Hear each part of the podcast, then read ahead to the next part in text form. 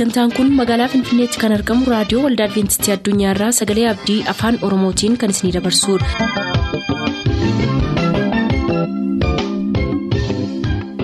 harka fuuni akkam jirtu dhaggeeffattoota keenya nagaan waaqayyoo bakka jirtan hundaati isiniif haa baay'atu jechaa sagantaan nuti har'a qabannee isiniif dhiyaannu sagantaa dhuga ba'umsaaf sagalee waaqayyoo ta'a gara sagantaa dhuga ba'umsaatti haa dabarru.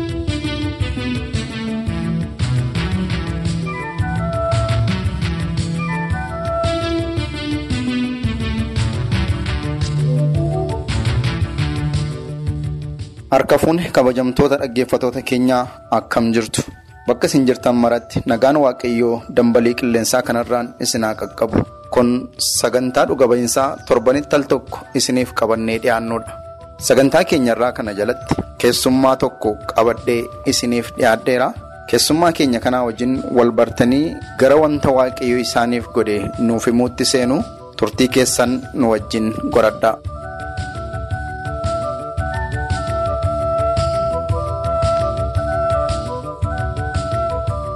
Maqaa keessanii fi bakka itti dhalattan nu ibsame. Maqaan koo Lammeessaa Asaffaa jedhama. Bakka inni itti dhaladhee aanaa Amuruu godina Warroo Guduruu iddoo Walqixxee jedhamtutti. Iddoo sanatti barumsa koos kanan xumuree mana barumsaa Amuruu sadarkaa lammaffaa. Yeroo ammaa kana Wallaggaa Yuunivarsiitii kanan hojjedhu Dipaartimentii Paabliik Heelzii jalatti barsiisaa ta'a barnoota sanaati. Baay'ee gaariidha. Keessummaa keenya taatanii wanta waaqayyoo isiniif godhe dhaggeeffatoota keenyaaf qooduudhaaf gara istuudiyoo keenyaa kanatti argamuu keessaniif baay'ee isin galateeffanna. Mee wanti isin dhugaa irratti ba'uu barbaadan wanti isin sabaa nu dhaggeeffatan kanatti himuudhaaf nuuf dhiyaattan maal ture? Egaa bu'uurri dhugaa ba'umsa kootii wanta lama qaba. Ani kanan dhaladhee itti guddadhes waldaa pirootestaantii masarata Kiristoos jedhamu keessatti kanan gooftaa fudhadhee kudha sagal saddeettamii sadii ijoollee baay'ee ijoollee ta'eenii kanan fudhadhee har'arra ga'e immoo ergaa gurguddaa lama dabarsuun barbaada. Tokko waldaan adventistii guyyaa torbaffaa dhugaa ba'umsa kanarraa hubattee. Waldaa kana haala hoolonni akka jiran beektee dammaqummaadhaan namoota dhugaa dubbii sagalee waaqayyoo akka isheen hubachiiftu. Inni lammaffaan immoo obboloonni koo pirootestaantiin akkasumas namoonni iddoo garaa garaa jiranii yeroon kun yeroo dhumaa yeroo firdii yeroo itti nuyi fuula waaqayyoo duraa dhiyaachuuf jennu ta'uusaa hubannee namni hundumtuu gara sagalee waaqayyootti deebi'ee jireenya isaa akka qajeelfatuuf. Yaadachiisuudhaaf. Baay'ee gaariidha. Mee akkamittiin gara waldaa kanaa kan isin dhuftan? Kuman dura kaase kudha sagal saddeettamii sadii gara gooftaa gaafan dhufee namni dhugaa naaf bahee yookaas immoo namoonni dhugaa kana natti himanii miti. Akka carraa ta'ee wasiilli koo yeroo sanaa xiitiidhaan rukutamanii hospitaalatti yaalamaa turanii xiqqoo hafuurri hamaa. Isaanumaan rakkisaa turee fi kiristaanonni iddoo biraatii dhufanii isaaniif kadhatanii ortodoksii turan isaanii gara pirootestaantiitti gaafa dhufanii guyyaa tokko tiraaktii tokko naa kennanii Sawulebbi kan jedhu afaan amaariffaan kan barreeffame. Isa sana naaf dubbisanii anis ishee dubbisuurraati kananii tiraaktii sana dubbisuu danda'e. Isa booddee maatiin koo yeroo sana kiristaanaa hin turre ofii koo kiristaana ta'ee macaafa qulqulluu. Wasiilli konaa kennanii afaan amaariffaan kan barreeffame isa sanas dubbisuun jalqabe jechuudha. Akka carraa ta'ee mana barumsaa galee afaan amaariffaa barachuu hin beekin macaafa qulqulluu garuu dubbisuu nan danda'a ture. Turtii sana keessatti seenaa macaafa qulqulluu keessatti seenaa gurguddaa warra jedhamanii seenaa uumama biyya lafaa seenaa addaamiif hewaan seenaa ijoollee isaanii seenaa nooyi kan iyyoob kan abrahaam seenaa namoota gurguddoo kan daani'eel fa'aa. Yeroo sana dubbisee hubachuu danda'eera. Akka kanaaniin gara gooftaatti dhufee jechuudha jalqaba. Haa ta'u iyyuu malee hamma kudha sagal sagaltamii sadii kutaa saddeet hamman baradhutti waldaan kiristaanaa eessa akka ta'e maal akka isheen hojjettu hin beekun ture. Kudha sagal sagaltamii sadii obboloonni koo na wajjin turanii guyyaa gaafa roobii sagantaa waldaa jirayyuu isatti nageessanii yeroo sanaa sagaleen waaqayyoon dubbifamaa namni hin kadhataa.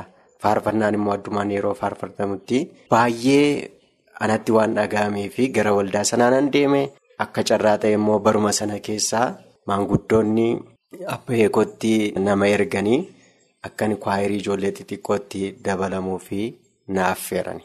Egaa seenaan gara waldaatti dhufuu koo kana fakkaata ture.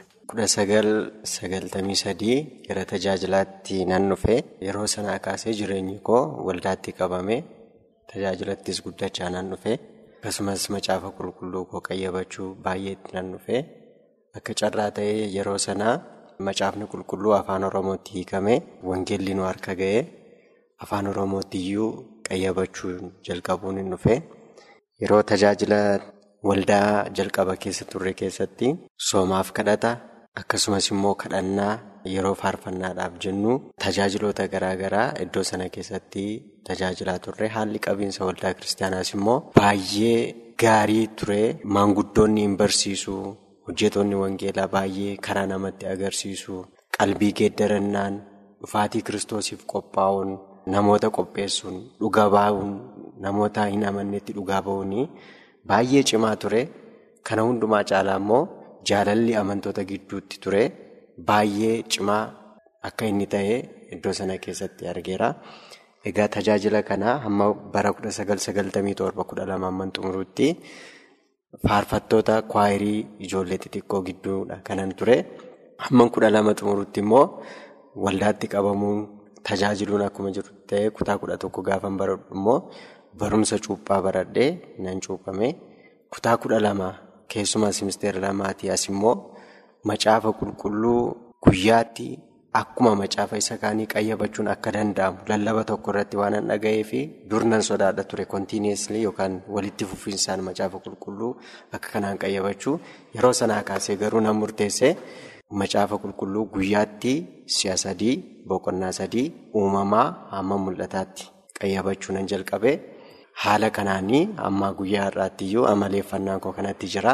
Gidduutti rakkinni haa uumamuyyuu malee kuma lamaaf torbaa kaasee amma ammaatti kanattan jira. Si'a torba macaafa qulqulluu kan afaan Oromoo keessa ba'eera. Waggaa torban lamatti si'a tokko keessa ba'ama. Si'a torba uumama amma mul'ata Yohaannisitti. Ingiliffa si'a lama afaan Amaariffaatiin si'a tokko keessa ba'eera. Walumatti gara si'a kudhanii ta'a. Kananii macaafa kana keessa bahee jechuudha dubbise. Yommuu dubbisu akkuma saayinsii isa kaanitti nan dubbisaa. Guyyaatti si'a sadii nan dubbisaa. Sammuu kootu alarmii na godha malee eenyuyyuu natti himuu eessayyuu yoon jiraadhe guyyaatti si'a sadii macaafa qulqulluu nan dubbisaa. Har'ayyuu Yoonaas boqonnaa sadansaa dubbisee xumureen dhufe. Baay'ee gaarii. Maal isin fayyade kun? Inni kun egaa kan inni na fayyade barootaan kiristaanummaa keessa jiraadhe keessatti bu'aa baay'eetu jireenya koo mudateera.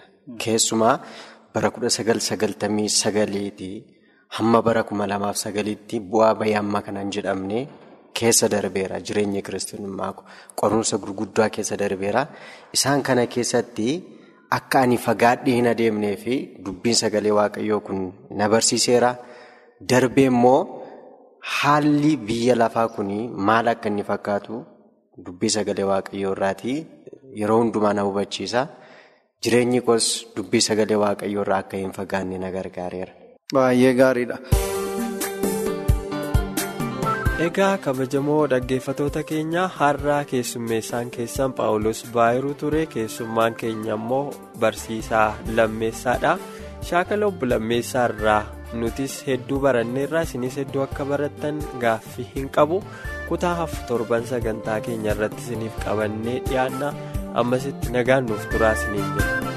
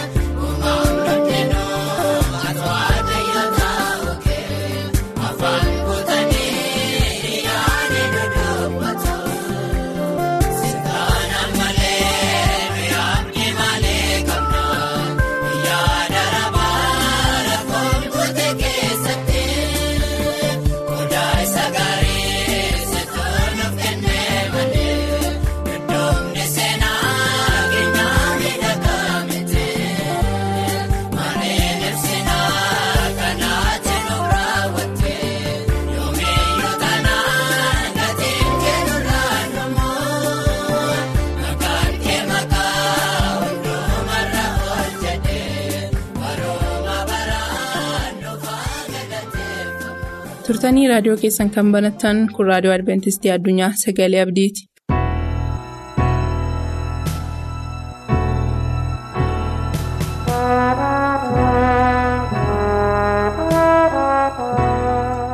Harka fuuni kabajamtoota dhaggeeffattoota keenyaa nagaan kan gooftaa yesus lafa lafa jirtan hundumaatti isin haa qaqqabu. Dhaggeeffattoota yeroo kana dubbii waaqayyoo kan wajjin ilaallu mata dureen isaa kan jedhu xalayaa gaddaa kee waaqayyotti dhiyeeffadhuedha. Xalayaa gaddaa kee waaqatti dhiyeeffadhu kadhannaa godhannu. Waaqayyo abbaa keenyaa. waan nu gootu hundumaaf ulfina argadhu si haa galatu gooftaa sin kadhadhaa hunduma keenyaati dubbii kee qulqulluu kanaan eebbisi hafuurri kee garaa tokko tokko keenyaa tuqu dubbiin kee si jaa godhatu ati ulfaadhu maqaa yesuusiif jettee ameen. Xalayaa gaddaa kee waaqayyotti dhiyeeffadhu. Bara raajicha Isaayaas dhaggeeffatootaa Hisqiyaas namni jedhamu mootiin Israa'el mootiin Yihudaa. isaa moo'ee waggaa kudha arfaffaa keessa jiru.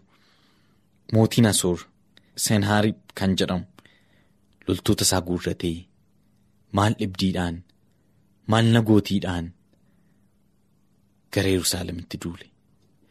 Bara sana keessa mootiin asoor baay'ee beekamaa ture mootota baay'ee moo'eera lafa baay'ee qabateera namoota baay'ee sodaachiseera yihudoonnis. carraan isaanii kana adda ta'uu hin danda'u jedhee loltoota isaa guurrateetti yaa'e. Mandara baay'ee erga qabatee booddee hangafa loltuu isaatii gara Hisqiyaasitti arge. Mootii Yihudaatti jechuudha. Akkan sitti dhufaa jiru beektaa? Ati maal amanteetituu hin bibirratiin kan jiraattu? Maal abdatteeti ati? Mootii Gibxiitti amanatte yoo taate yookiin mootii Misiriin abdatte yoo taate? Inni gatiin qabu. Akka shomboqqoo caccabee yeroo qabatan harka nama waraanuuti. Waaqayyotti amanatte yoo taate waaqni keessa waan tokko sii gochuu hin danda'u ofumaan gowwoomin. Kanaafuu ani immoo amman sitti dhufa jedhee sodaachise. Hangafi loltoota mootii Asoor kun kan inni itti dubbataa jiru namoota sadii Hisqiyaas ergetti namoota bebbeekamoo jedhaman. Namoota ogummaa qabu jedhaman yommuu dhaqxan waanuma inni isiniin jedhu dhagaa qottaa malee waan tokko iyyuu ittiin deebisinaa jedhamaniiru. Yommuu inni kana eeyuun abdattaniitu jedhee lallabu. Afaan warra Yihudootaatiin afaan Ibraayisxiitiin yommuu inni dubbatu namichi mootii Asoor biraa ergame sun. Warri sadan Hisqiyaas erge immoo maaloo afaan keetiin dubbadhu nuu afaan keen dhageenya. Namoonni si dhaga'an maaloo. Afaan Ibraayisxiitiin yookiin afaan Yihudootaatiin waan itti jettu waan dhaga'aniif afaan keetiin dubbadhu maaloo jedhanii kadhatan. Inni garuu kan maaliin afaan kootiin dubbadha? Saba hundumattan ergame malee isin duwwaatti kan hin argame. Namoonni Yihudaa hundumtuu akka dhaga'an hin barbaada. Kan Senaahiriib mootiin Asoor dubbate jedhe. Mi'a dubbifannu raajicha Isaayaas. Boqonnaa soddomii jaha lakkoofsa kudha sadii amma kudha shaniitti. Raabaashqeen yommus ka'ee ijaajjee sagalee isaa guddisee afaan Yihudaatiin dubbii mootii Asoor guddichaa dhagaa jedhe. Mootichi guddichi Hisqiyaas isin oolchuu hin danda'u hin gowwoominaa. Waaqayyo dhugumaan nu oolcha mandarri kunis harka mootii Asooritti dabarfamteen kennamtu jedhee Waaqayyoon akka amanattan isin hin godhin ittiin jedhee guddisee. Namoota baay'eedha kan kana dhaabatanii dhaggeeffatan yommuu kana dhaggeeffatan naasuutiin qabaman namoonni sun garuu waan tokko ittiin deebisinaa waan jedhameef calluma jedhan lakkoofsa kudha saddeetii amma digdamaatti immoo itti fufee akkana jedhe namichi kun. Hisqiyaas waaqayyo nu oolcha jedhee akka isin hin gowwomsineef of eeggadhaa. Waaqayyolii saba lafarraa keessaa isa kamtu biyya isaatii mootummaa koo jala akka hin galle oolchuu danda'e. Waaqayoliin. Hamaat kan Arphaadis eessa jiru? Waaqoliin Sefaaraam eessa jiru?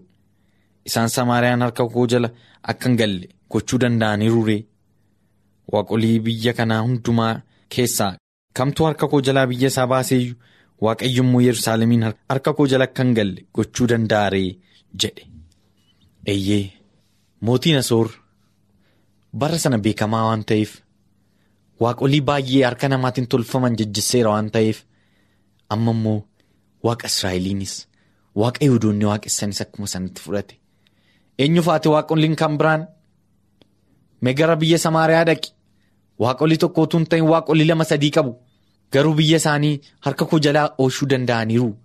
Eessa jiru ofii isaaniitiifu atoo waaqi kee inni ittiin of jajju kun akkamittiin yerusaalemiin harka koo jala akka isheen hin galletti oolchuu danda'a jedheetti fokkore. Namoonni sun deebi'anii Hisqiyaasitti mankana Hisqiyaas baay'ee gadde. Wayyaa gaddaa uffate waaqayyoon kadhachuu eegale. Namootas gara Isaayaas raajichaatti ergee akka inni waaqayyoon kadhatuuf mallasa gaafate. Isaayaas yeroo sana namoota dhufan sanaan hin sodaatin kan hin dubbate sana hundumaa dhaga'eera of tuulmaa isaa sana hundumaa dhaga'eera mootii asoor akka inni oduu dhagee biyya isaatti deebi'ee achitti duunan godhaatiin sodaatin jedheetti arge. Gidduu kanatti egaa dhaggeeffatotaa namichi inni oduu gara Yihudaatti fide sun deebi'ee utuu deebi'aa jiru oduun kan biraan gara mootii asooriin dhufe. Tiraaqaan mootiin kuush biyya keetti duuleeraatii asoor irratti duuleeraatii deebii kottu jedhe loltoota isaa hundumaa dachaafatee gara biyya asooritti deebi'e namichi sun dhaggeeffatotaa. Yommuu deebi'ee sana garuu calluma hidhee hin deemne xalayaa barreessee mootii Yihudaa Hisqiyaasiif erge.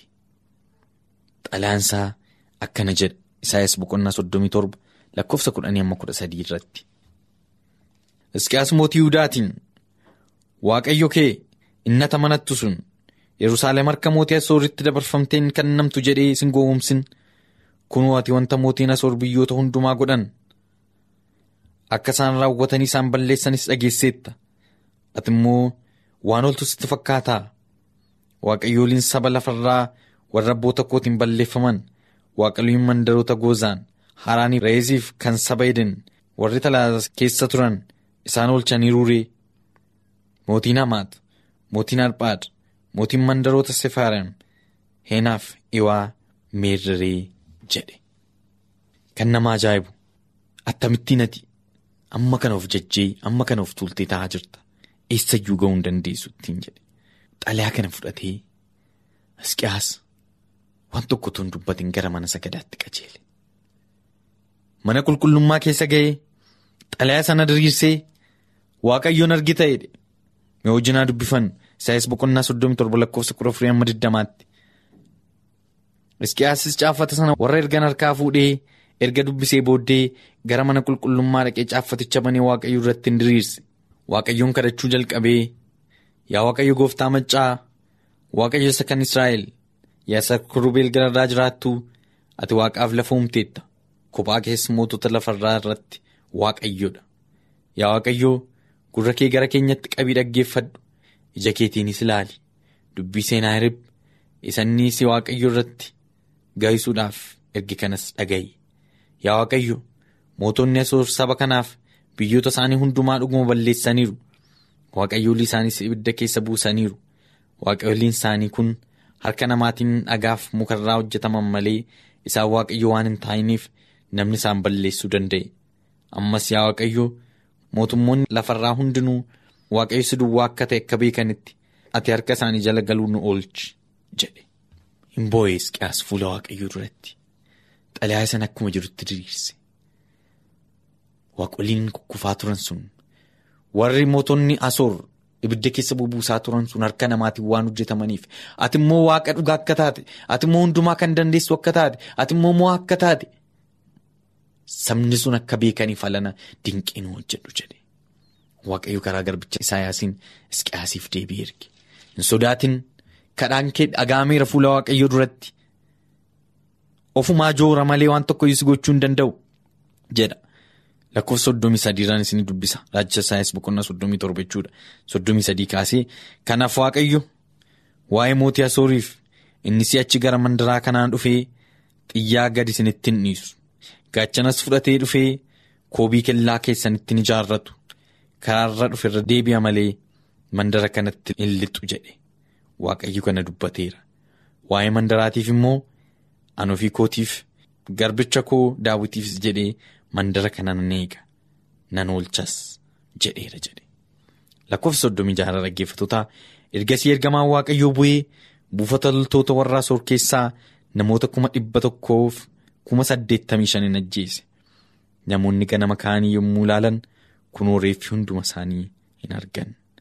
Yommuu Sanaarab mootiin Asoor achi ka'ee gara biyya isaatti deebi'ee mandara Nanawwee keessan taa'e. Gaaf tokko inni mana Nisoor waaqa tolfamaa isaa keessa lixee utuu sagaduu ilmaan isaa Arraakeemiif Shaazeer dhufanii billaadhaan rukutanii ajjeesanii gara biyya araaraatitti hin baqatan ilmi isaa inni Asaar Hadoon jedhamu tokko iddoo abbaa isaatii mootii ta'e jedha. Hin argituu dhaggeeffatootaa Hisqiyaas anis sin lolan jenne yookiin immoo harkaan kennan jenne fokkorsuu diina isaatiis argee hin dhiphanne xalayaa sana fuudhee waaqayyo dura kaa'e. Waaqayyos garbicha isaatiif deebii kenne. Hisqiyaas loluun irra hin turre dhaggeeffatootaa ergamaan waaqayyoo waaqarraa bu'ee namoota loltoota asoor keessaa kuma dhibba tokkoof kuma saddeettamii shan galgala tokkotti reeffa godhee bushe. Waaqayyoof galannaa ta'u diinota keenya hundumaa irratti kan moomsanuuf kennu waaqayyootu jiru waan dhiphannu hin qabnu. Diinni keenya yeroo inni nu naanna'ee aadu waan nu sodaachisu hin qabnu. Waaqni inni waaqaaf lafa uume waaqni Yisihaaqiin harka diinota isaa keessaa harka warra asoor keessaa baase nu wajjinis jira. Amantiidhaan harka isaa jala warra jiran hundumaaf eegee mootummaa isaan ga'uuf waaqayyo amanamaadha. Waaqa kanatti jireenya keessan dabarsaa kennadhaa. Sagantaa keenyatti akka gammaddan abdachaa har'aaf kan jenne xumurreerra. Bor sagantaa faarfannaa qabannee isiniif dhiyaanna. Beellama keessan nu waliin godhadhaa jechaa nuuf bilbiluu kan barbaaddan lakkoofsa bilbila keenyaa Duwwaa 11 551 11 99 Duwwaa 11 551 11 99 nuuf barreessuu kan barbaadaniif ammoo lakkoofsa saanduqa poostaa 45 Finfinnee lakkoofsa saanduqa poostaa 45 Finfinnee qopheessitoonni sagalee abdii waliin ta'uun nagaatti isiniin jenna.